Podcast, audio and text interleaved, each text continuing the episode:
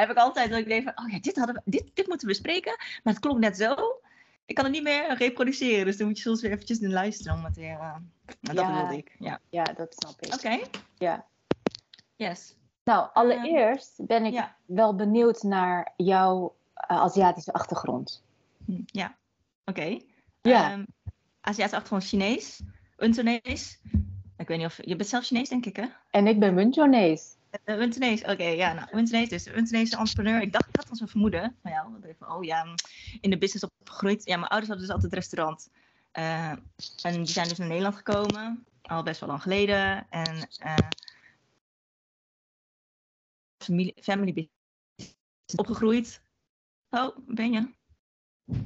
Oh, dus opgegroeid eigenlijk letterlijk in het restaurant ongeveer. Eh, toen ik geboren was, hadden ze al een restaurant. Dus ehm, ja, eigenlijk daarin opgegroeid. Dat is mijn Ja. achtergrond. Mhm. En ehm, met paplepel ingegoten gekregen eigenlijk, het ondernemerschap dan. Alleen mijn ouders waren altijd van, je moet studeren, goed je best doen. En oké, studeren, ga ik studeren. Maar ja, ik dacht altijd wel, ik wil graag ondernemer worden. Maar ik, ik had nooit echt het idee van, ik ga ondernemer worden. En na je studie dan is het logisch gevolg dat je gewoon gaat werken. Dus ja, mijn hele familie zit eigenlijk in ondernemerschap. in- Ofwel een restaurant of retail gehad. Maar ik was, de enige, ik was de eerste die ging studeren, zeg maar, van het gezin. Mhm. Dus, eh, ja, dus ik was eigenlijk de eerste die ging werken van baas. Ja. maar de rest is allemaal ondernemers. Ja. ja. En spreek jij Ja. eh Munchonees? Ja. Ja. Eh, wel wat, maar ik moet zeggen dat het steeds meer verslechterd eerlijk gezegd. Mijn man die is wel Chinees, maar hij, zijn ouders komen uit Hongkong. Ja. Ehm, dus wij spreken onderling samen eigenlijk alleen maar Nederlands. Dus mijn kinderen spreken ook helemaal geen Chinees. Ik probeer ze wat Mandarijn te leren, maar ehm, ik spreek wel wat Untonees. Soms een beetje, misschien kindertaal zeg maar. Ik heb ook Mandarijn geleerd, vroeger ook op Chinese school. Maar dat is nu ook een beetje, als ik het niet gebruik, dan ja, ik weet niet of jij dus ook Mandarijn spreekt, maar als ik het niet gebruik, dan hebt het een beetje weg. Ehm, dus ja, ik spreek nu eigenlijk voornamelijk Nederlands. Alleen al wat Chinees dan met mijn ouders. Maar ik kan er niet zeggen dat de juf het is of zo. ik spreek niet vloeiend of zo. Jij? Nee, nee, snap ik. Nee, ik, ehm, ik versta het Munchonees veel beter dan dat ik het spreek. Dus wat je net eh, benoemde als kindertaal, ja, dat, dat is ook eigenlijk het niveau waarop ik spreek. En dan, eh, als ik iets hoor in een gesprek, dan kan ik het wel makkelijk eh, ja, nazeggen. Een beetje trouwens. Is er een vertraging? soms wel je weg. Oh, er is een vertraging. Maar soms valt het beeld weg. Het beeld valt ons weg. zeg maar gewoon, eh, ja. Oh, wat vervelend. En nu? Maar niet... Ja, nu hoor ik je wel. Nu zie ik je ook. Ja. Ja. Nou, ik hoop dat het stabiel blijft. Ja, dit is ook de plek waar ik wat verder van de router zit. Ja, snap ik. Geef niet hoor. Dus vandaar. Maar goed, ehm, ja, Ja, dus om ja, terug te komen op. Sorry, eh, ja. ja, dus om terug te komen op, op het Wintonees, dat spreek ik eh, een beetje. En eh, ik kan me wel redden, alleen ik kan geen uitvoerige gesprekken voeren. En de Chinese school heb ik ook wel gekend, alleen dat is nooit veel verder gekomen dan een half jaar Chinese les. Dus ik heb dat nooit in de praktijk gebracht. Ja, dus in mijn, in mijn dagelijks leven spreek ik Nederlands en Engels wanneer het werkgerelateerd is en Spaans voor de lol. Oh, Dus- leuk. Ja, Ja, ja. want je hebt ook Ja. kinderen, toch? Ja, ik heb twee kinderen. Oh Ja. ja. En is, is jouw man Aziatisch of is hij Nederlands? Of... Nee, hij is voornamelijk Nederlands, maar hij heeft ook Indonesisch bloed. Ah, oké. Maar jouw kinderen spreken dus ook geen Chinees, denk ik dan, of wel? Nee, ze spreken Nederlands. Ja, dat is Ja. hun eerste taal. En dan mijn dochter, eh, zij eh, wordt dit jaar 13. Ja. eh, zij spreekt ook goed Engels. Maar dat kwam omdat wij haar van kleins af aan een paar ochtenden in de week in het Engels toespraken. Omdat wij eh, wel in een internationale omgeving wonen met vrienden die Engels spreken. Ja. Ja, en dat hebben we eigenlijk bij het tweede eh, kind, bij eh, onze zoon van zeven, hebben we dat veel minder gedaan. Dus dan merken we ook dat het minder tot uiting komt in zijn spreektaal. Maar hij, hij begrijpt wel heel veel in het Engels. Ja, ja, Ja. leuk. Grappig. Ja, inderdaad. Ik vind het eigenlijk wel jammer van de opportunity. In het begin, toen pasten mijn schoonouders ook nog best wel op op mijn oudste. Eh, na, toen corona was, toen natuurlijk een stuk minder of helemaal niet meer. Maar toen ze klein was wel. En toen vroegen wij ook van, hey, kun je alsjeblieft Kantonees met ze praten? Of in ieder geval iets, weet je wel. Maar dat hadden ze nooit echt gedaan, omdat ze dachten van, ja, maar straks dan is hun Nederlands niet goed. Maar dan gingen zij Nederlands maar ze spreekt niet supergoed Nederlands. Maar dan ging zij zeg maar meer Nederlands praten tegen de kinderen. In plaats van Chinees, weet je wel. En dan nu komen ze ineens en zeggen ze soms dat in Chinees. En ik van, ja, de kinderen snappen gewoon echt niet wat je zegt hoor. Ja. Dus dat is wel jammer, weet je wel. Maar ik hoop gewoon dat ze, dat ze een beetje hier en daar de klanken een beetje oppakken soms. Of, weet je, ik probeer ze af en toe een paar woordjes te leren. Maar het klinkt echt gewoon heel Nederlands als ze het uitspreken. Maar goed, in ieder geval, ja. Beter, ja, misschien als ze later wat ouder zijn, dat ze er zich wat meer voor interesseren. Ook in andere, onze cultuur, weet je wel. Dat wil ik wel. Hoop ik wel dat ze dat meekrijgen. Ja, ja, zeker. Maar hou je van Chinees eten? Ja, ik hou van Chinees eten, ja. Ja. Ja, Ja, ja. van Chinees leuk. eten. Dus eh, ja, het is ook wel... ehm, Ja, hoe zeg je dat? Ehm, best wel Chinees, zeg maar. Eh, ja, een beetje zoals jij denk ik ook. Weet je, je bent heel erg Chinees misschien...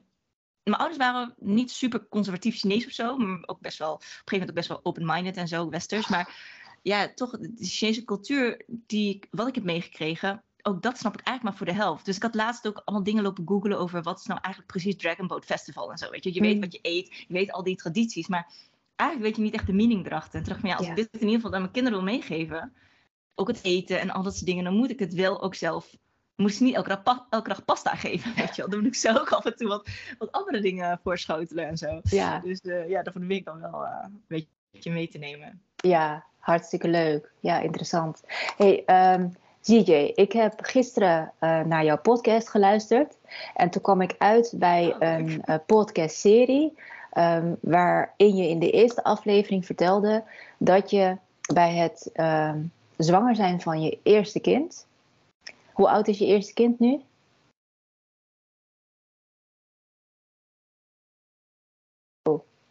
Maar eerst is nu.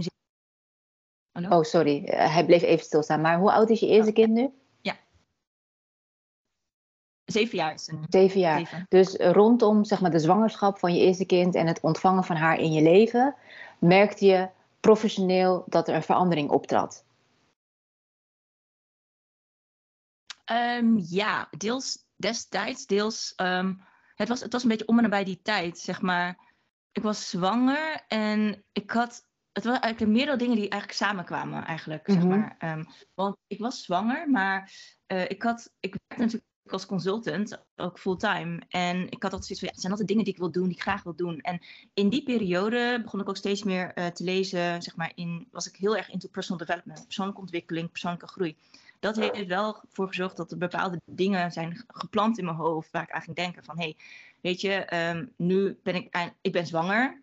Oké, ik heb eigenlijk huisje, boompje, beestje, weet je, straks krijg ik een kind. eh, maar is dit dan waar ik toen ik jonger was, van droomde, is dit eigenlijk waar ik naartoe, weet je wel, naartoe werkte? Want als dat zo is, dan is dit eigenlijk al wat ik heb. Dus is dit gonna, is this what it is gonna, you know, for the rest of my life? Dat was eigenlijk een beetje dat gevoel. En ik had altijd wel interesses, altijd, van mezelf ben ik altijd heel erg ehm, geïnteresseerd in heel veel verschillende dingetjes. En ik kan heel snel duiken in dingen die ik interessant vind en dan meteen heel erg, weet je, obsessed bijna mee raken soms. Ja. Ik was heel erg in nutrition en mijn man die sportte eigenlijk al vanaf zijn 18 al heel vroeg. En toen we studeerden samen, toen probeerde hij altijd mee naar de gym te krijgen. Dat werkte niet echt, soms wel, soms niet. Maar op een gegeven moment raakte ik heel erg into nutrition en allerlei dingen rondom health. En dat vond ik heel interessant. Toen dacht ik van ja, ik wil eigenlijk wel misschien, ehm, ja, wat zou het leuk zijn als je naast het gewone, de gewone job, zeg maar, ook iets anders kon doen voor jezelf. Want ik vond het wel leuk om, misschien zou ik wel eh orthomoleculaire, weet ik veel, voedingsdeskundige worden of zo. Of misschien ehm, wil ik wel ehm, iets meer met sport doen. Maar het was altijd zo van, ja, maar ik werk, ik heb geen tijd. En toen ik zwanger was, weet je, toen sportte ik ook best wel veel. Ik sportte altijd in de gym en ging samen met mijn husband van, oké, ik wil een beetje, ook voor de baby is het goed, je eerste kind, dan denk ik toch, je wilt alles goed doen. Je wilde trainen voor de bevalling. nou ja, ik dacht zo van, ik wil gewoon wel healthy blijven. Ook voor mijn kind en voor mijn gezondheid. En ik was, die, ik was in die periode ook echt een jaar, meer dan een jaar lang gestopt met koffie drinken. Weet je, die eerste kind dacht je zo van, ga Oh, ik cafeïne drinken? Zo weet je, al dat soort dingen. Beetje obsessief. Maar toen dacht ik al van, ja, ik, ik wil ook gewoon andere dingen doen. Maar ja, ik heb gewoon geen tijd. En straks is, is mijn kleine er en dan heb ik nog minder tijd eigenlijk. Maar Mhm. toen las, las ik dus een paar dingen, ook op het gebied van personal development, persoonlijke ontwikkeling. Dus toevallig vandaag de podcast die ik vandaag heb eh gebroadcast gaat over five insights that changed my life, weet je wel. Yes. That gave me courage, weet je wel. Ja, En een van de dingen was ook van, ja, live gewoon your life as you want it, live it now, weet je wel. Zo van, probeer die dingen te doen die je graag wil doen. En toen dacht ik al van, hé, hey, ja, zou niet leuk zijn als ik ook gewoon me zou inverdiepen in trainen en zo. Want dat deed ik al. En in de gym werd ik aangesproken was van, hé, hey, je traint, je bent zwanger, weet je wel, van wat voor exercises doe je dan, hoe doe je dat? En dan ging ik gewoon delen wat ik had geleerd van YouTube of van bodybuilding.com of al dat soort dingen, weet je wel. En, en wat ik zelf toepaste. En toen was ik dus besloten van, hé, hey, ja, ik ga, of ik er nou iets mee ga doen of niet, ik ga in ieder geval voor mezelf gewoon iets leuks doen. Ik ga gewoon een, die, die training doen of het certificaat halen als bootcamp instructor, als pregnancy uh, fitness zeg maar, coach, zeg maar. Oh, dus die uh, diploma's heb je binnengehaald? Ja, ik had een bootcamp certification had ik gehaald bij de bootcamp, uh, zo'n bootcamp, uh, ALO bootcamp training certification ding, dat had ik gehaald. na mijn zwangerschap, dat wel. Um, of ja, namens zwangerschap. Maar dat, dat, dat soort dingen, al dat soort ideeën dat ik had, of dingen die ik ook nog wilde doen in mijn leven, van ik dacht van hé, hey, maar als dit mijn leven straks wordt, dan is het wel best wel, nou niet saai, maar dan al die andere dingen, leuke dingen die ik wil doen, die komen dan nergens meer terug. Dus ik moet er wel actie op ondernemen. Ja. Dus rond, zo rond dat periode dat ik zwanger was en was bevallen van mijn eerste, toen waren al dit soort dingen, kwamen een beetje op mijn pad. En dan had ik ook een beetje actie op ondernomen. Maar het was eigenlijk pas nadat ik mijn eerste kind had gekregen, en toen was ik bevallen en ging ik dus weer terug naar werk. En want tijdens je zwangerschapsverlof dan heb je het niet, vind je het allemaal oké, weet je wel, lekker uh, vrij zijn en zo. Maar toen ik terug ging naar werk, in het begin vond ik het heel leuk. Ik wilde al echt de beste employee zijn. Ik wilde laten zien dat ik het kon, weet je wel. Goede moeder, goede employee, alles. Maar ik merkte ook van, hé, hey, dit is wel, dit, dit is mijn dagdagelijkse ritueel in mijn leven, weet je wel. Ik breng mijn kind naar de kinderopvang. Ik werk hard, ik kom terug, halen op that's it, weet je wel. Wat, wat, mhm. wat, wat een andere purpose heb ik nou nog?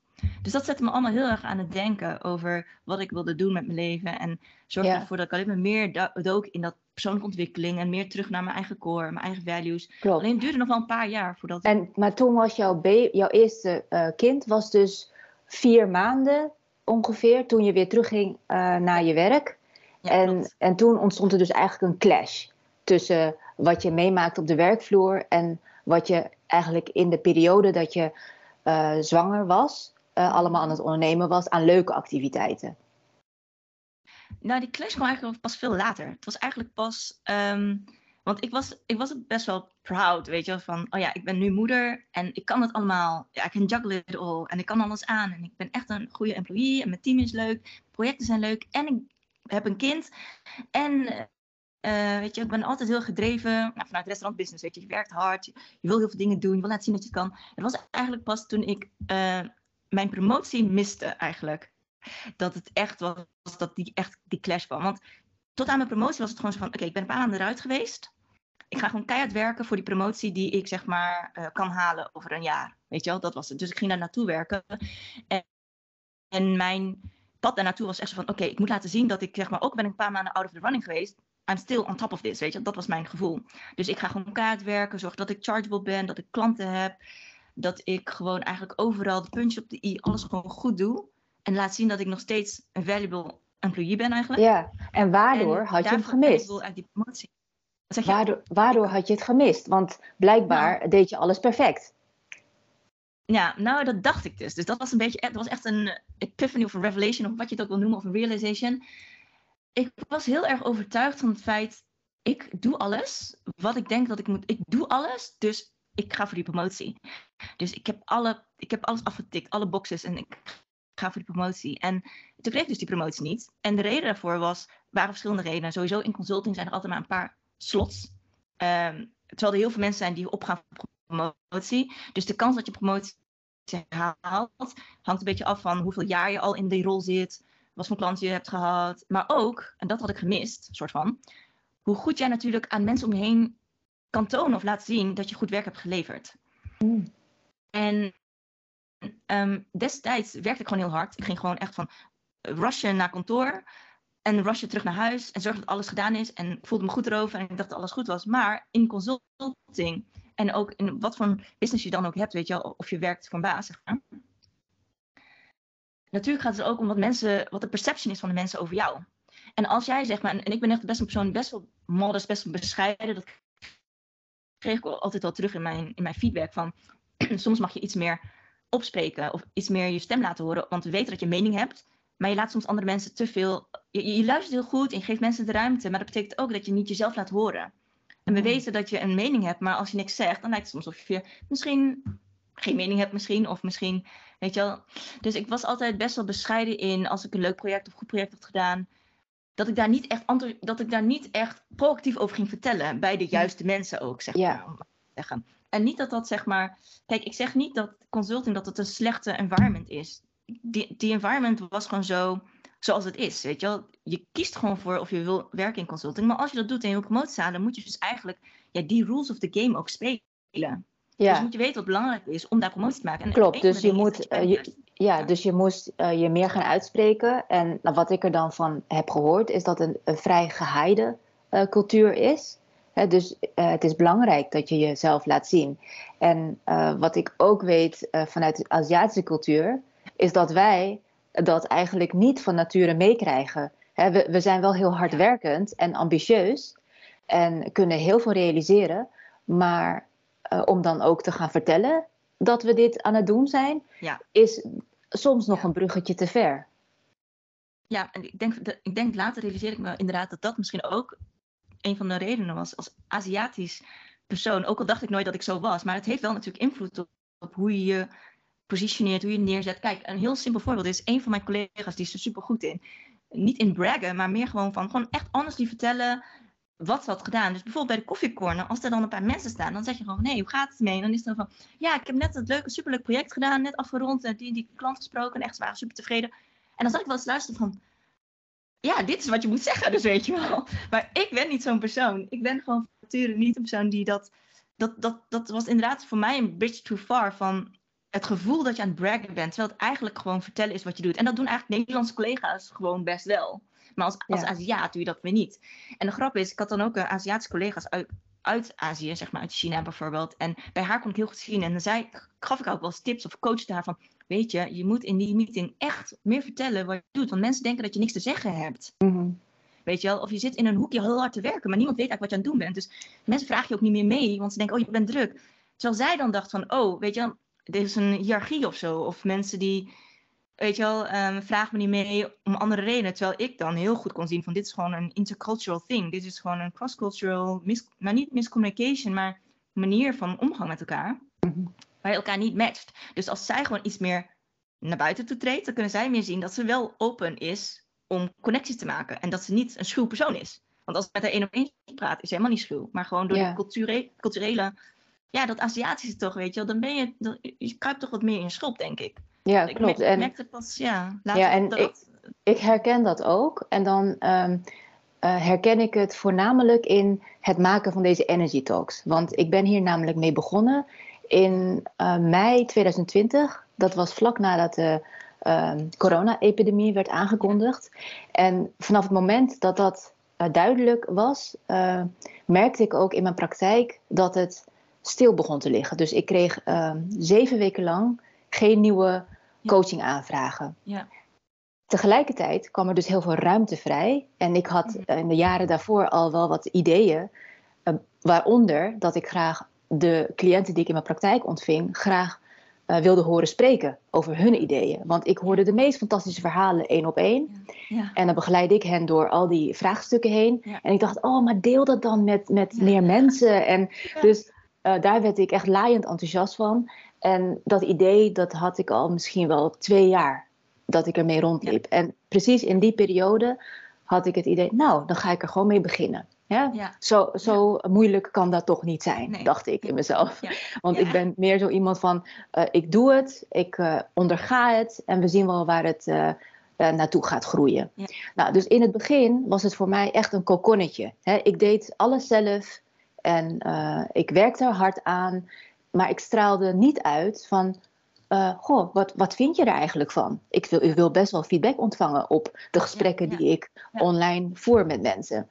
En pas, denk ik, ik denk dat het ongeveer een half jaar later was dat ik op een, een bruiloft eh, was van een vriendin. En al haar vriendinnen, die spraken me aan op de video's die ik had gemaakt. En ik dacht echt, werkelijk waar? Wordt het gezien? Maar dat was. Maar dat was mijn eigen houding ten aanzien van eh, in hoeverre stel ik mezelf open voor eh, de verbinding die ik maak met mensen. Want ik zag het heel erg als mijn eigen project. Eh, en daarin was ik misschien nog een beetje timide en lerend ook. Dus ik wilde het, zeg maar, vallen en opstaan wilde ik eerst even zelf ervaren, voordat ik er een boekje open over deed. Ja. Maar naarmate ik meerdere gesprekken ging opnemen, merkte ik dat het makkelijker ging. Ja. dat ik zelf ook meer het woord nam in deze gesprekken. En nu ik jou dus hoor vertellen over ja, hoe dat dan is als je als Aziatische persoon opgroeit. Ja, ik praat er eerlijk gezegd ook niet heel veel over met Aziatische mensen. Het, het zijn eigenlijk allemaal eilandjes. Dus vandaar dat ik het ook zo interessant vind om met jou hierover het gesprek te openen. Want ik herken het wel degelijk. Dus ik was er misschien twee jaar mee bezig, nu in totaal drie jaar.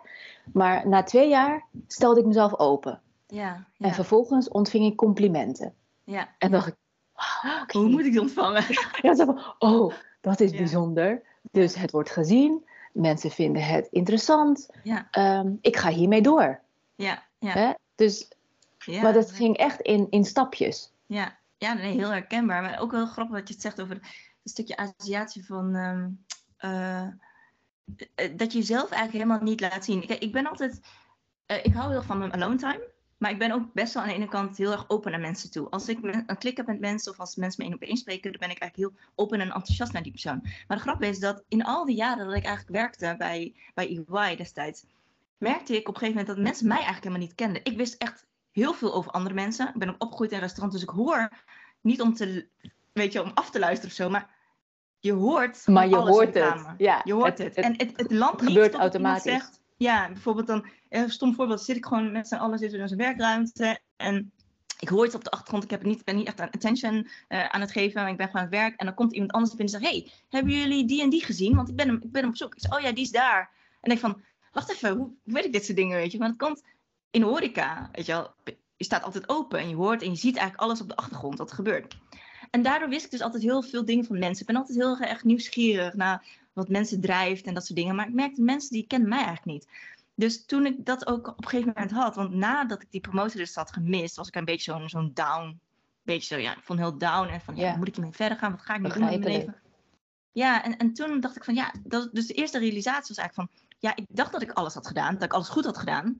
Maar the rule of this game is you have to talk about yourself. Not bragging, but you have to let people know what you're up to, what you're doing. En hoe het ons ontvangen en hoe goed het is. En als, het, als je dat niet doet, ja, dan kan diegene die daar een beslissing over neemt, die ziet jou niet bovenaan het lijstje staan. Of die denkt niet aan jou, weet je wel. Dus ik dacht echt van, ja, dat is echt zo'n... Dat is nog steeds een, echt een rule in mijn leven. Gewoon take responsibility, take ownership. Je hebt altijd een C in de outcome. En je moet zelf ownership nemen. Dus dat was echt een heel erg... Echt zo'n soort van heilig moment bijna, bijna voor mij. Ja, geweldig. Dat dagelijks door ja, gewoon gebruik in mijn leven. Als iets niet werkt, wat heb ik er zelf niet aan gedaan of wel aan gedaan, weet je al?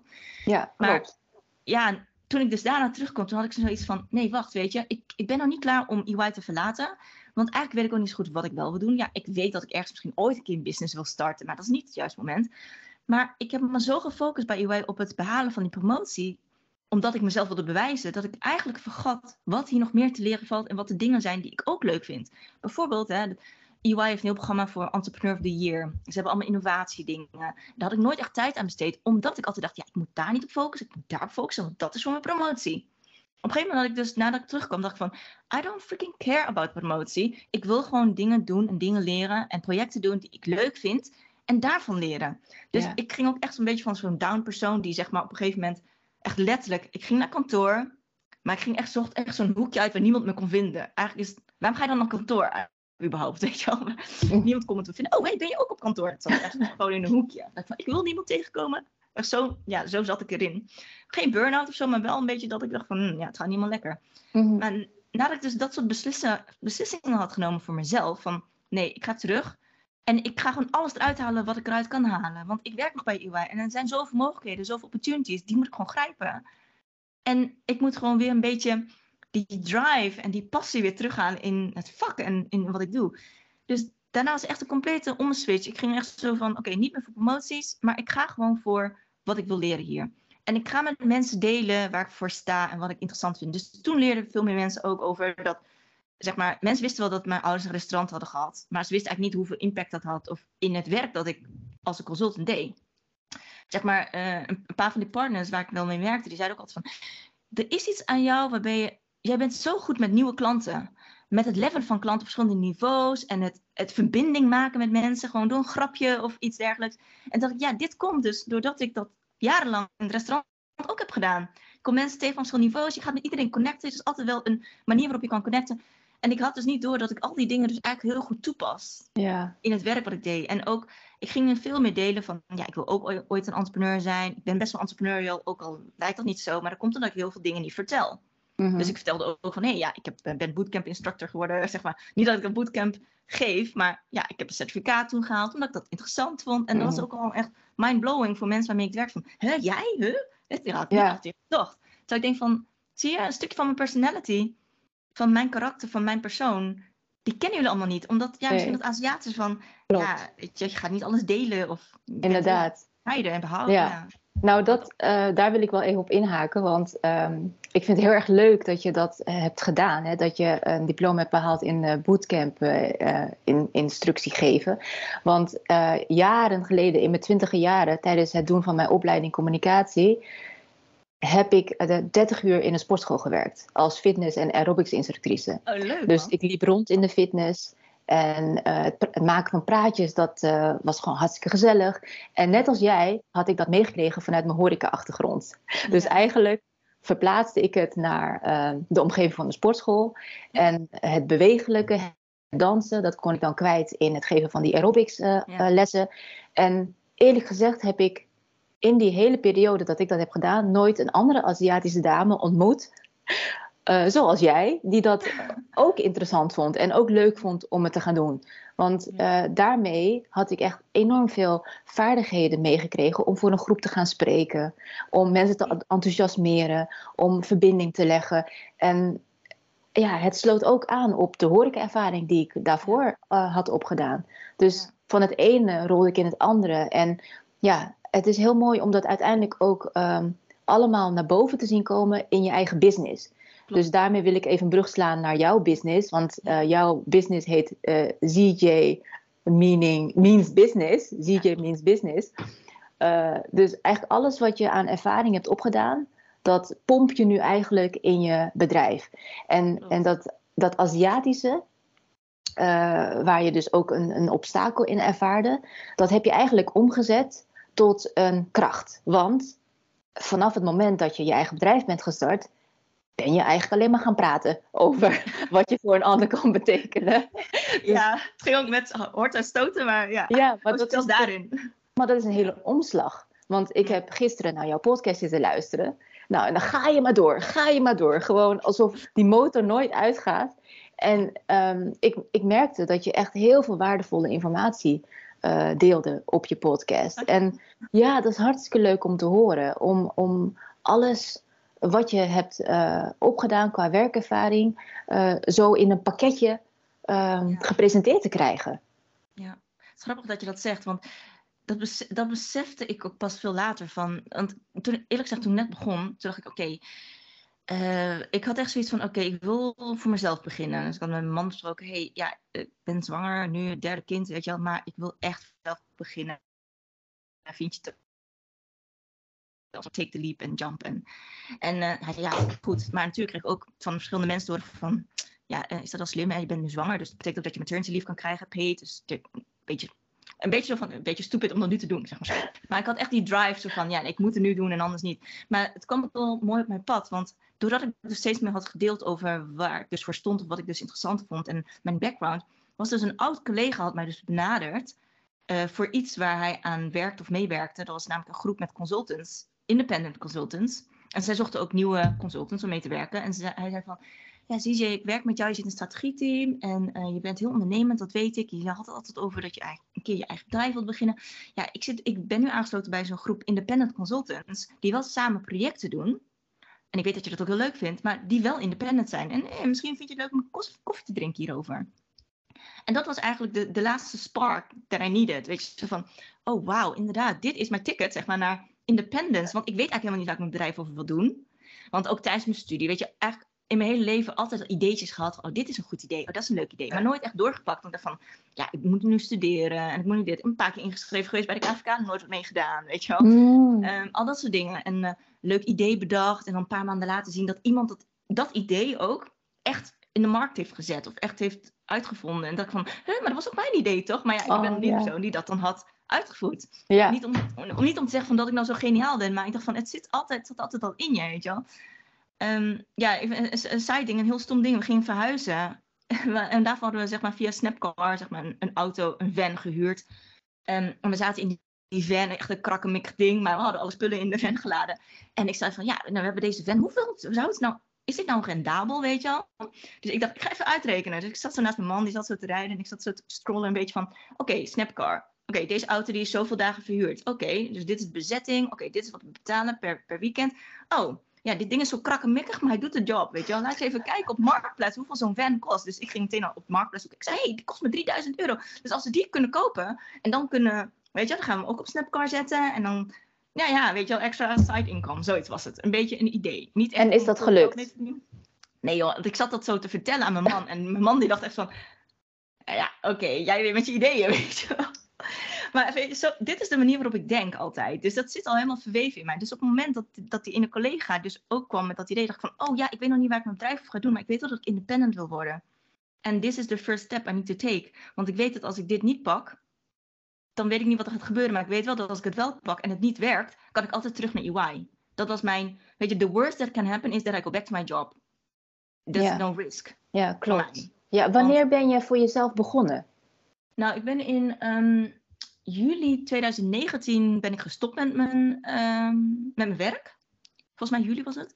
En toen heb ik eerst een paar maanden wat een beetje rust gepakt om te kijken van wat wil ik nou doen. En ik ben in september toen begonnen als freelance consultant, aangesloten bij dat bedrijf. Dat heb ik eh, ongeveer een jaar gedaan. Maar dat was Mhm. inclusief mijn zwangerschapsverlof. Want ik was dus de, zwanger van mijn derde. Dus die was in januari 2020 geboren. Dus toen had ik drie maanden eh, verlof nog gepakt. En toen was eigenlijk de bedoeling dat ik per maart ehm, wanneer per maart of zo weer eh, echt zou beginnen. Een nieuw project. Maar toen had ik gezegd van nee, ik wil nu even geen nieuw project aannemen. Want ik wil eigenlijk ook focussen op wat ik eigenlijk wil gaan doen. Ik had in de tussentijd wel een beetje nagedacht over wat ik wilde doen. Ja, de volgende, echt letterlijk, die vrijdag had ik dat gezegd, de mail uitgestuurd of gesproken. En maandag was lockdown, dus het was echt van goede timing, not. Maar ja, ik, ik had zeg maar in die tussentijd, ik was dus ongeveer een jaar aangesloten bij dat bedrijf als independent. En had een paar projecten gedraaid, maar merkte al snel van ja, dit was inderdaad een stepping stone voor mij. Een soort van manier om uit het consulting te gaan met een overstap, wel consulting en half independent. Maar ik wist ook, ook dit gaat niet de vrijheid geven die ik wil en die ik zoek. Mhm. Want ik ben nog steeds voor organisaties aan het werken. Die werken nog steeds 9 tot 5. Je kunt een consultingproject bijna niet runnen door minder dan drie dagen te werken op een project. Ja, Zeg maar, tenzij je een andere rol hebt als een, een subject matter expert of zo. Maar anders is het best wel moeilijk om goed aangehaakt te blijven bij het project. Dus je moet wel minimaal drie dagen eigenlijk op een project zitten. Dat wil de klant ook. Dus ik wist Mhm. al van, oké, dat gaat niet worden voor eeuwig. Maar ik neem het ook de tijd om dan te kijken wat ik dan wel wil gaan doen. En het was eigenlijk het moment dat ik mijn eigen bedrijf echt startte. Dus was eigenlijk in de periode van corona. Dus eigenlijk eind 2020 inmiddels. Omdat Mhm. door corona had de kinderen thuis. Ik kon echt niet echt werken aan mijn bedrijf. Hier en daar probeer ik wel ideeën uit te werken. Maar het was gewoon eigenlijk bijna undoable met drie kinderen. Dus eh, ja je was Ja. moeder. ja, Ja, dus terwijl je een sabbatical aan het nemen was. Ja, zoiets ja. Dus eigenlijk begin 2021 toen besloot ik om een, een, beta-groep met klanten aan te nemen. Om te kijken van die ideeën die ik heb, is het nou iets wat ik wil gaan... Is het echt wat ik wil gaan doen? Dus eigenlijk begin 2021 ben ik soort van begonnen om daar steeds meer, ja, echt meer tijd voor te nemen. En ik merkte dus, waarom ik dus nu doe wat ik doe. Ja, weet je, in het begin als, als business coach, ik wist niet eens dat het bestond, een business coach. Ik, eh, ik was, kwam natuurlijk uit strategie, eh, uit consulting. En als consultant ben je, daar ben ik heel blij omdat ik tien jaar consultingervaring heb. Je bent als consultant, leer je heel snel dingen oppakken. Je hebt morgen een klant die je niet kent, die leest je in, je begrijpt waar die staat, je begrijpt zijn pijnpunten. En je kan in het gesprek mee, zeg maar. En eh, ook een klant komt met een, met een probleem en als consultant zoek je gewoon de oplossingen. Het maakt niet uit in welke industrie of welke sector. Nou, natuurlijk als business owner nu, hè, als individual, is het natuurlijk heel belangrijk om je niche te zoeken en dat soort dingen. Maar komende van consulting was ik echt heel breed. Dus Mhm. eh, wel altijd heel erg solution gericht. Eh, kijken naar de problemen, heel erg zoeken naar of naar oplossingen, improvements. Ook dat uit het restaurantwezen elke keer meegekregen. Hoe kan je elke dag verbeteren, weet je wel? Ja. En ik kende dus het concept business coach eigenlijk niet. Maar wat ik altijd deed, ook met collega's, is, ik vond het altijd leuk om te brainstormen over business. Weet je, ze hadden een ideetje. Bijvoorbeeld een van mijn collega's, die was een, ze was een artist, dus ze maakte schilderijen en had thuis heel veel schilderijen staan op een gegeven moment. En toen zei ik, weet je wat je moet doen? Je moet die dingen verkopen, weet je wel. Van, ja, maar hoe doe ik dat dan? Dus toen gingen we elke keer brainstormen. Superleuk. Zei oké, over twee weken weer een brainstorm sessie. Tijdens de lunch deden we dat dan. Hè. Gingen we lunchen, een broodje, gingen we in een, in een meeting room zitten en dat uitwerken. En ja, toen dacht ik van, echt, weet je, dit moet je doen. En ik heb, um, omdat ik zelf dus altijd op zoek was naar business ideeën en zo, wist ik best wel wat van verschillende tools en verschillende dingen die er zijn. Dus ik zei, ja, je hebt, daar kun je een gratis web, website maken. Daar kun je zeg maar dingen in hangen. Daar kun je promotie doen mm. en bla En dan begon ik zo een beetje te vertellen en zei ze, oh ja, klinkt leuk. En echt twee weken later of zo kwam ze naar me toe helemaal blij. Weet je, ik heb mijn website neergezet en moet je kijken. En toen dacht ik zo mm. van, cool voor jou, maar what the fuck heb ik wel? Heb ik geen bedrijf? Jij wel, weet je wel. Dat gevoel. En uh, het, het, gebeurt altijd, weet je, dat ik als ik dan vrienden spreek of mensen die dan een idee hebben en dan komen ze van uh, even business case uitwerken of even businessplan schrijven. Ja. Dat, ja, ik ga gewoon volop aan, weet je wel, zo van opportunities hier en daar. En ja, dat, dat vond ik heel leuk. Dus op een gegeven moment. Dus jij was, het, jij was het eigenlijk al aan het doen, terwijl uh, jouw bedrijf nog niet de naam had die die op dit moment heeft ja, dit was eigenlijk tijdens mijn, dit was eigenlijk tijdens mijn studie, tijdens mijn, mijn werk als consultant, kwam dit altijd terug. Dat ik als iemand een ideetje heeft voor een business, dan ging ik met die persoon lekker zitten en dan het uitwerken, weet je wel. Uh, Hoe kun je dit uh, rendabel maken? Hoe kun je monetizen? En uh, waar moet je dan verkopen? Of wat is een leuke hack, weet je wel? Ja, nou dat herken ik, dat herken ik eigenlijk ook wel. Want um, ja, want, maar dat, dat gaat bij mij dan echt veel, veel verder terug nog. Want toen was ik uh, acht jaar en ik liep met een vriendinnetje over straat. We hadden eerst ergens gespeeld. En toen uh, zag ik twee uh, kinderen met elkaar ruzie maken. En ik zei tegen die vriendin met wie ik aan het wandelen was... we gaan even stoppen, want dit gaat niet goed hier. Dus we moeten hier eventjes blijven staan. En toen interveneerde ik door gewoon te vragen... wat is er aan de hand? En ze keken op vanuit hun uh, ruzie. En ik opende eigenlijk het gesprek, waardoor ze een beetje ja, uit hun ruzie kwamen. Mhm. En uh, dat was eigenlijk het eerste moment dat ik voelde dat ik uh, ergens over beschikte, waar ik zelf nog geen woorden aan kon geven. Hè. Dus ik wist niet dat, dat dit ja, uh, coaching kon zijn. En trouwens, dat wist ik ook nog niet toen ik uh, tijdens mijn studie communicatie allerlei boeken ging lezen over persoonlijke ontwikkeling, over emotionele intelligentie, over basispsychologie. Um, en al die boeken las ik tijdens mijn communicatieopleiding. Um, maar net zoals bij jou, hè, dat je opeens wordt uitgenodigd om um, ja, andere mensen leren kennen die voor henzelf waren begonnen en die uit de consultancywereld kwamen. Zo kwam ik in een sportschool kwam ik een management consultant tegen. Ja. En die management consultant um, die informeerde mij en uh, nodigde me een keer uit om uh, mee te lopen tijdens een coaching therapieweek waar hij zelf niet naartoe kon. En hij vroeg aan mij: wil jij gaan spioneren voor mij, zodat ik up to date blijf Oh, over allerlei eh, technieken en methodes die ik eventueel in mijn werk kan toepassen bij de klanten die ik bedien. Ja. Nou, dus ik werd uh, op pad gestuurd, hij betaalde dit en ik uh, kwam na een week terug om verslag uit te brengen. En toen kwam ik bij hem thuis en ik zag in zijn boekenkast allemaal boeken staan die ik zelf ook had. Ik zei, hè? Wat is dit? Dus opeens klikte er van alles en dacht ik, dus dit is een vakgebied. Coaching is een vakgebied. dus toen kon ik me ergens op focussen. En uh, dat werd het hem dan. Maar natuurlijk, ik denk ook net als bij jou, iets zit, denk ik, alvast, ja, dat zit al in je systeem. Ja. Ja, hè? En, en dat leef je eigenlijk al een tijdje, maar pas wanneer je er klaar voor bent, dan kun je het pakken. En uh, kun je er iets van maken wat je, wat je voor ogen hebt. Maar, en ik denk dat vanaf het moment dat je dat besluit, uh, ja, dan kom je inderdaad uit bij die vision workshop die jij geeft. Ja, ik moet er opeens aan denken, want ja, ik, ik heb er natuurlijk gisteren over gehoord. En um, dat is een manier inderdaad om uh, te gaan werken aan hoe zie je het voor je. En ik merk ook aan alles wat jij doet, dat je dat eerst zelf hebt toegepast. En dat vind ik ook zo mooi van zelfstandig ondernemerschap. Het is um, een pad waarbij je jezelf eigenlijk altijd moet, moet herontdekken. Of, of dat je weer iets ontwikkelt. Of dat je weer iets anders uit jezelf haalt. Uh, en dat merk ik ook in het coachingvakgebied. Dat je leert door het werken met cliënten. En dat uh, elke cursus of opleiding je weer op een ander ja, niveautje brengt. Eigenlijk qua bewustzijn. En zo blijf je jezelf eigenlijk maar ontwikkelen. En ja. Nou, dat herken ik ook in jou en in mezelf, van die nieuwsgierigheid en die obsessie. Als, als iets je pakt, dan, dan wil je er gewoon helemaal in verdiepen. En, en dat kun je dan juist in het zelfstandig ondernemerschap gaan toepassen hè, op je eigen manier. Ja. En dat vind ik er echt zo mooi aan. En, en ik hoor dat jij dat doet. Nou, dat is grappig dat je het zegt. Want ik weet niet of jij dat ook hebt. Maar zoals ik al zei, ik weet niet, volgens mij heb ik het net nog niet afgemaakt. Maar toen ik net begon als business coach, de grap was, ik had in het begin, vertelde ik niemand dat ik zeg maar consultingervaring had. Ik liet dat helemaal buiten beschouwen. Want de reden was, ik zag business coaches, op een gegeven moment, misschien heb je dat ook, hè, je volgt iemand en ineens zit je in een bubbel van allemaal mensen die, bijvoorbeeld, ik, ik typte in business coach, ineens een bubbel van allemaal business coaches en ik las allemaal wat ze deden en ik dacht van, oh shit zij hebben allemaal, ofwel, hè, die waren begonnen, ofwel, ik heb drie bedrijven gehad, uh, het, is, het, is, niet gelukt, maar ik heb er zoveel lessen uitgehaald, dus nu help ik anderen. Weet je, zo'n categorie. Of ja. was categorie van, ja, ik ben eigenlijk heel erg gefocust op marketing en funnels. En ik ben nu een business coach, want ik help je met marketing, sales en help you to get 10k revenue years, bla bla, of 10k uh, revenue months, whatever, weet je wel. Zo'n type business coach. En eigenlijk geen business coach waarvan ik dacht van, hoe, uh, strategie. Nou, niemand snapt wat strategie is. Uh, en operations en al dat soort het runnen van je bedrijf. Dus ik had echt, dat was ook een beetje mijn probleem het eerste jaar. Ik praatte daar nooit over. Want ik dacht van, ja shit, ik heb niet de credentials die zij hebben. Ik heb freaking niet eens een bedrijf. Ik ben net begonnen. Dus ik kan niet eens zeggen van, I made my first 20.000 euro's last week of zo, weet je wel. Ik dacht dan, shit ja. man, dat kan ik niet eens zeggen. Dus wat voor business coach ben ik dan, snap je? Ja.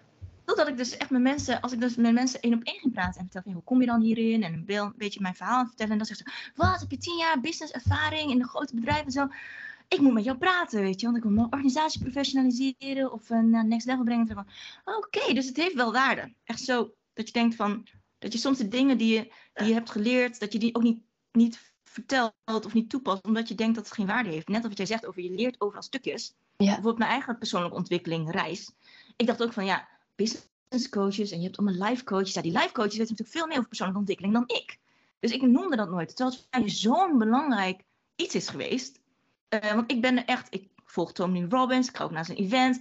Ik lees alle boeken erover. Ik ben altijd, weet je. Dus het is een groot deel van mij, maar dat, net als bij toen ik werkte voor EY en dat nooit vertelde over mijn uh, bootcamp uh, certification, had ik dit weer opnieuw in mijn bedrijf. Ja. vertelde over mijn eigen ervaring.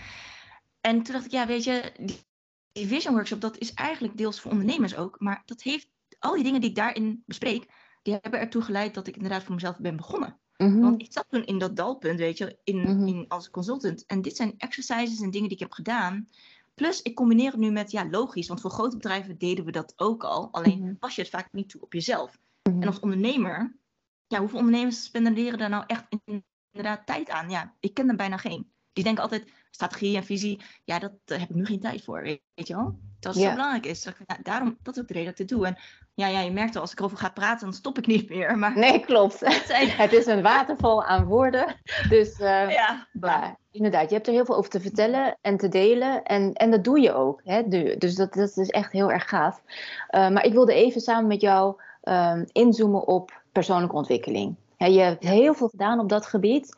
Eh, ik weet er nog niet alles van, maar zou je ehm, iets eh, vanuit eh, ja, alle persoonlijke ontwikkeling die je hebt ondernomen naar voren willen brengen? Van wat was voor jou doorslaggevend? Nou ja, eh, toevallig, ehm, toevallig wat ik net zei, heb ik die, die podcast opgenomen. eh, omdat ik er even ging reflecteren van wat zijn nou in het begin, toen ik net weer begon, wat heeft nou echt voor mij steeds die light, dat lightbulb moment opgeleverd. En er waren een aantal dingen, bijvoorbeeld eh de 4-Hour Workweek, het boek dat ik had gelezen over van ehm, Tim Ferriss. Over van leef je leven, je retired life now. En dat was echt, dat was het moment dat ik dacht van, ja, als ik ooit een keer de bootcamp instructor of zo, een training wil doen, of ik nou ga toepassen of niet, moet niet wachten tot ik 60 ben. Dat heeft helemaal geen zin, weet je wel. Dus dat, Nou, het kan wel, want dan heb je misschien kan, een hele maar- eh, energieke doelgroep. Want tegenwoordig wordt iedereen eh, sterker ouder en gezonder ouder.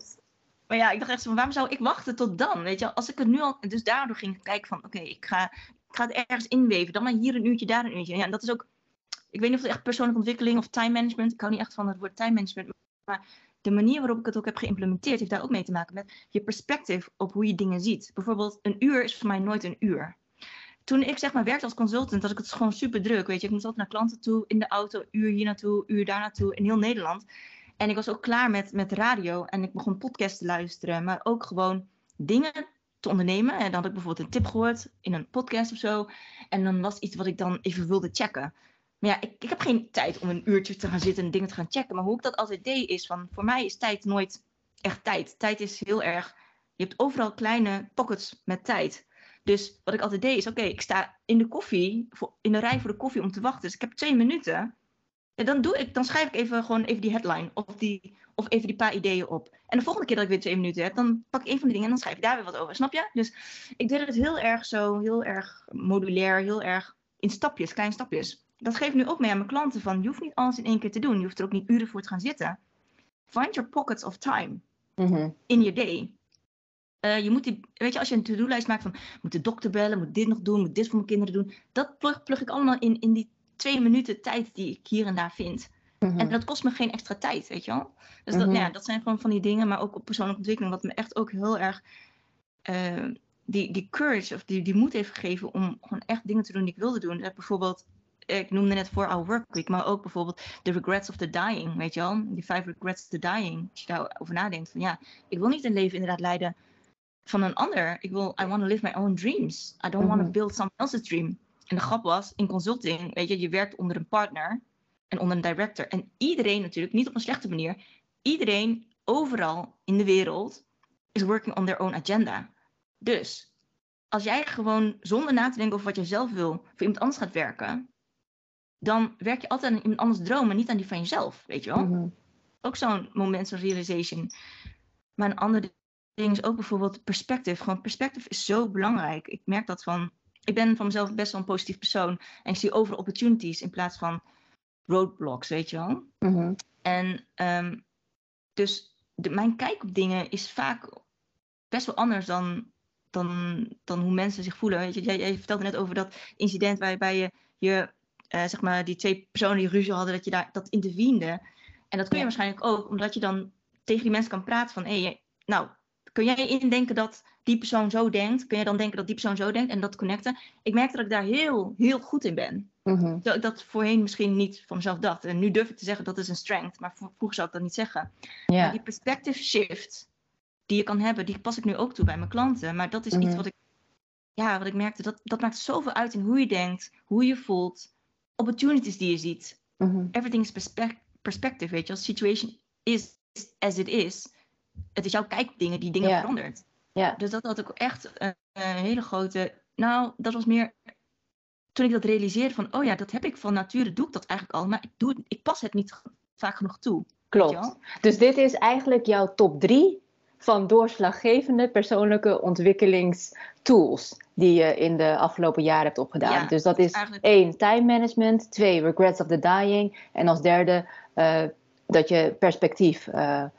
Nou, ja, ja en nee. Ik, zou- ik zou zeggen, mijn, number, mijn echt de rules die ik heb in mijn leven, eh, dat is echt dus die, die take ownership, take responsibility. Dat is echt de meest belangrijke die ik, meest belangrijke realisatie, maar ook meest belangrijke rule in mijn leven. Gewoon. Ja, maar wat heb jij daarvoor moeten uitgraven of uitdiepen om dat helemaal eh, te gaan leven?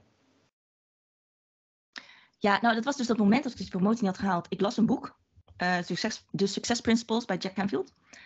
En de, Ah, het Jack Canfield. Ja, Ja, die ken Het ik. eerste hoofdstuk ging Niet over persoonlijk. take responsibility. Nee, oh jammer. Ik wilde een interview voor een podcast. Nee, ik, eh, nee ik, ik- het eerste hoofdstuk was take responsibility. De grap was, ik had dat boek al een keer eerder gelezen. Of in ieder geval, ik had niet het hele boek uit, want ik ben nog zo van, ik haal eruit wat ik uithaal en dan laat ik het liggen en dan volgende keer kijk ik er weer in.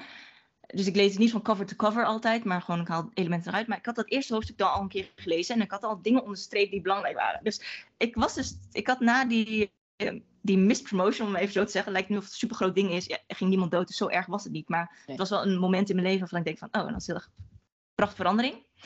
Ik pakte dat boek erbij, want ik had, eh, ja, heel stom, ik zei tegen mijn man, ik neem een paar weken vrij van werk. En weet je wat? Vroeger in de trein naar huis toe, elke vrijdag ging ik naar huis om te werken, elk weekend. Dus ik moest altijd in de trein van Rotterdam naar Heerden. Dit is een plaatsje dicht bij Zwolle, dus ik moest altijd in de trein. En in de trein kon ik altijd heel erg tot rust komen. Ik ging altijd een beetje mijn dingetjes opschrijven, een beetje boek lezen. Dus ik zei tegen mijn man, weet je wat, de eerste dag dat ik vrij was, ik, ga, ik pak de trein naar Maastricht. Dat had ik gedaan. Ik, ging dus, ik pakte de trein naar Maastricht. Ik had het boek meegenomen. Ik denk, ik ga het boek wel weer even lezen in de trein. Want in de trein heb je geen afleiding. En Mhm. Het is gewoon leuk en eh, fijn dat de mensen in en uit komen en je hebt geen afleiding. Ja, het is even jouw me-time. Het is voor mij me-time, ja. Dus ik dacht van, nou, kan ik in ieder geval twee uur lang zitten. Natuurlijk had de NS weer allemaal problemen, maar dat terzijde. ik had het boek meegenomen en ik las het zo. En ik dacht van, hé, hey, ik heb dit boek al natuurlijk eerder gelezen, maar ik heb dingen onderstreept hier. Alleen toen ik het toen las, toen viel, eh, viel echt dingen op zijn plek. Kortje viel gewoon, het was gewoon, ik las, you have to take responsibility. Uh, events are there. It is your response that creates the outcome. En ik dacht echt zo van, heb ik inderdaad alles gedaan in mijn macht om die promotie eigenlijk te behalen? Want ik was heel erg in een victim-modus, weet je. Zo van, ja, Mm. ik had het, I deserved it, I worked so hard. En weet je nu heb ik nog steeds niet gekregen en moet ik een jaar langer wachten. Echt, al dat soort gedachten, echt een victim-mindset eigenlijk. Ja. Besefte ik niet. Maar toen ik dat las, zo van, ja, inderdaad, als jij morgen, als jij vandaag 10 euro hebt en je wil morgen meer geld hebben, moet je het of investeren of je moet iets mee doen waardoor je meer geld krijgt. Maar als je het vandaag spendeert, heb je morgen geen 10 euro. Of Ja. meer. Klopt. Als jij, wil, als jij eh, af wil vallen of healthier wil worden, elke dag, elk moment van de dag heb jij een keus.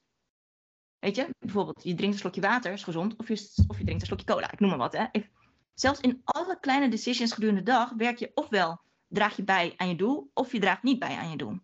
Ja, Toen dacht ik zeker. dus van, oké, heb ik echt inderdaad alles gedaan voor de promotie? En toen dacht ik van, ja, ik heb hard gewerkt. Ik heb hele tevreden klanten. Ik heb het team eh, geholpen. Ik ben intern, ben ik, is iedereen super blij met mij. Maar ik heb niet alles gedaan. I did Mhm. not play the rules of the game. Mhm. Het was echt mind-blowing. Ja, I maar dat is dus dat, die cruciale emotionele switch die je Ja. meemaakte omdat je eh, die zinnen in dat boek herlas.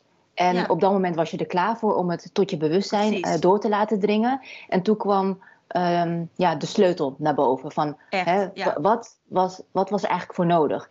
En dit is trouwens een switch die ik heel vaak meemaak in de eh coachingtrajecten die ik doe. Want mensen hebben vaak helemaal niet door dat ze in de slachtofferrol zitten. Ja, Ja, dus daar, van daaruit kun je op een bepaalde manier communiceren en je gedragen en hou je bepaalde relaties in stand.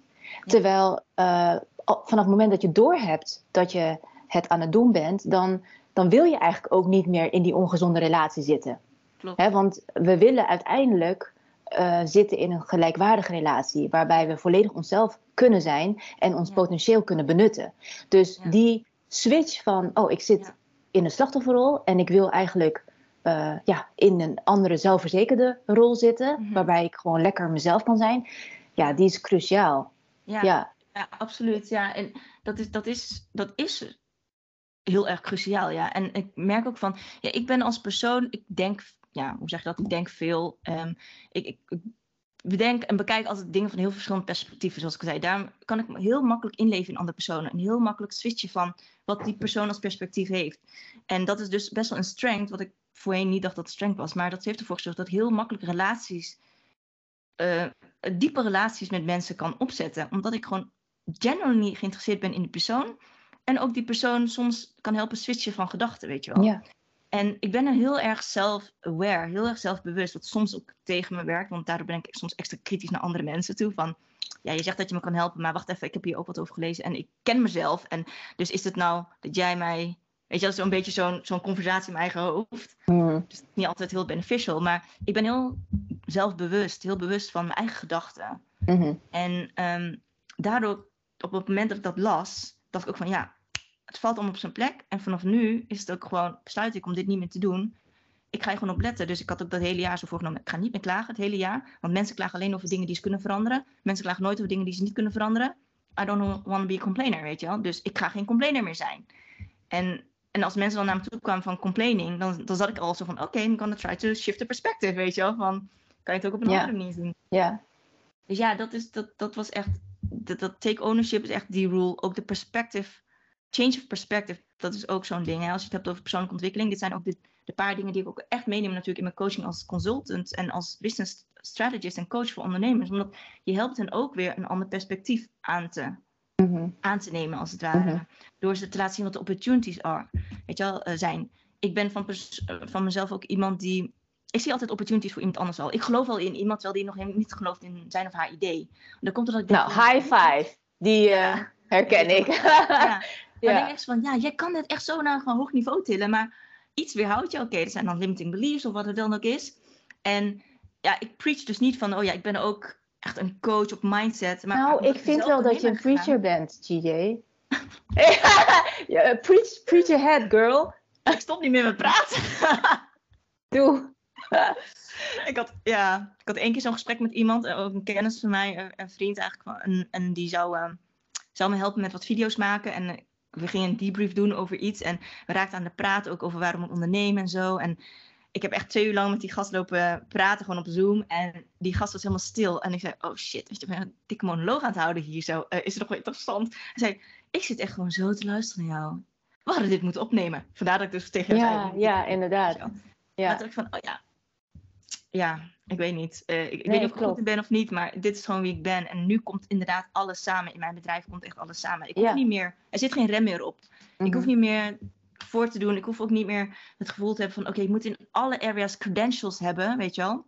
Van nee, ik, ik heb iets geleerd en ik wil het gewoon delen. Mhm. En als je me niet gelooft, prima. Als je wil dat ik een certificaat heb als, als life coach, heb ik niet.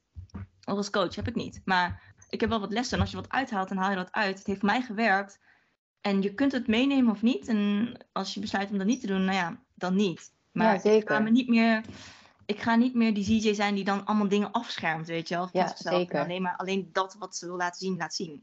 Uh, ja. hoe, hoe, zeg je dat? Alleen dat wat belangrijk lijkt om te laten zien, laat zien, weet je wel. Ja, ja. ja. begrijpelijk. Ja. Nee, maar het is uh, ja, fantastisch. Ik bedoel, ontwikkeling en, en een growth mindset, hè, zoals jij daar ook over spreekt, en wat je ook leeft, uh, dat is volgens mij ook gewoon de manier om uh, jezelf te leren kennen. Ja. Hè? Jezelf volledig te leren kennen en, uh, en neer te zetten in deze wereld en je te verbinden vanuit ja, de persoon die je bent. Ja. ja, en dan, en dan zal alles makkelijker gaan, uh, moeiteloos. Uh, dan zit je in de flow en kun je het lekker in je eigen tempo doen. Uh, en dat tempo van jou zit hoog.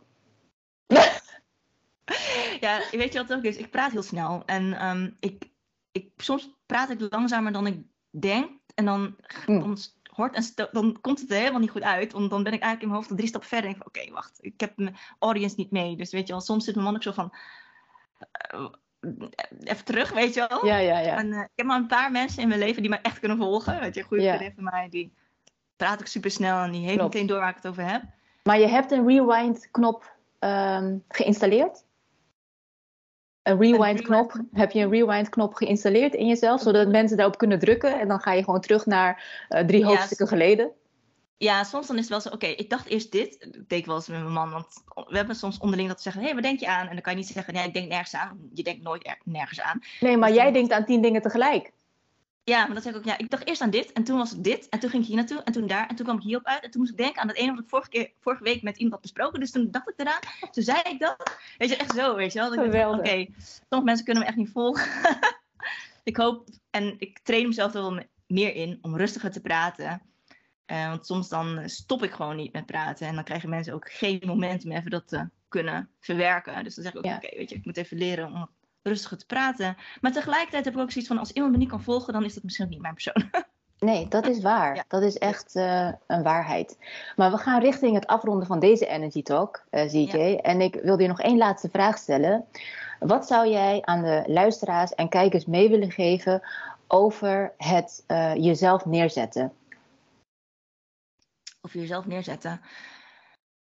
Het, het, is altijd best wel eng om jezelf neer te zetten of uh, echt te gaan staan voor wat je gelooft, denk ik. En ik denk dat echt de fuel daar, zeg maar, ja, de fuel daarvoor zit echt in wat je net zei, jezelf leren kennen, maar ook echt durven en jezelf toestaan om dat te gaan doen wat je echt daadwerkelijk wil. Dus ja, vandaar ook de Vision Workshop die ik dan doe. Maar het gaat er echt om dat je voor jezelf bepaalt wat het is dat jij wil bereiken en waarom je dat wil. Wat jouw waarden zijn en je kernwaarden. Want dat zorgt ervoor dat je gewoon die motivatie hebt. Dat je, je weet waarom je het doet. En, en waar je voor staat en wat je strengths zijn. Ja, dat, dat zorgt gewoon voor dat je veel meer confidence erin krijgt. En dan ook echt kan gaan staan voor waar je, waar je voor wil staan. Mhm. En dat zorgt ook voor een enorme energy boost. Want ja, dan ben je in mijn opinie gewoon echt unstoppable. Als jij gewoon leeft waar je voor staat. Uh, wat jij belangrijk vindt en je eigen doelen. Dat is Mhm. zo belangrijk. Ja, Ja. ja als, je, als je dat gewoon duidelijk hebt, ja, unstoppable, denk ik. ja, zeker. Dankjewel.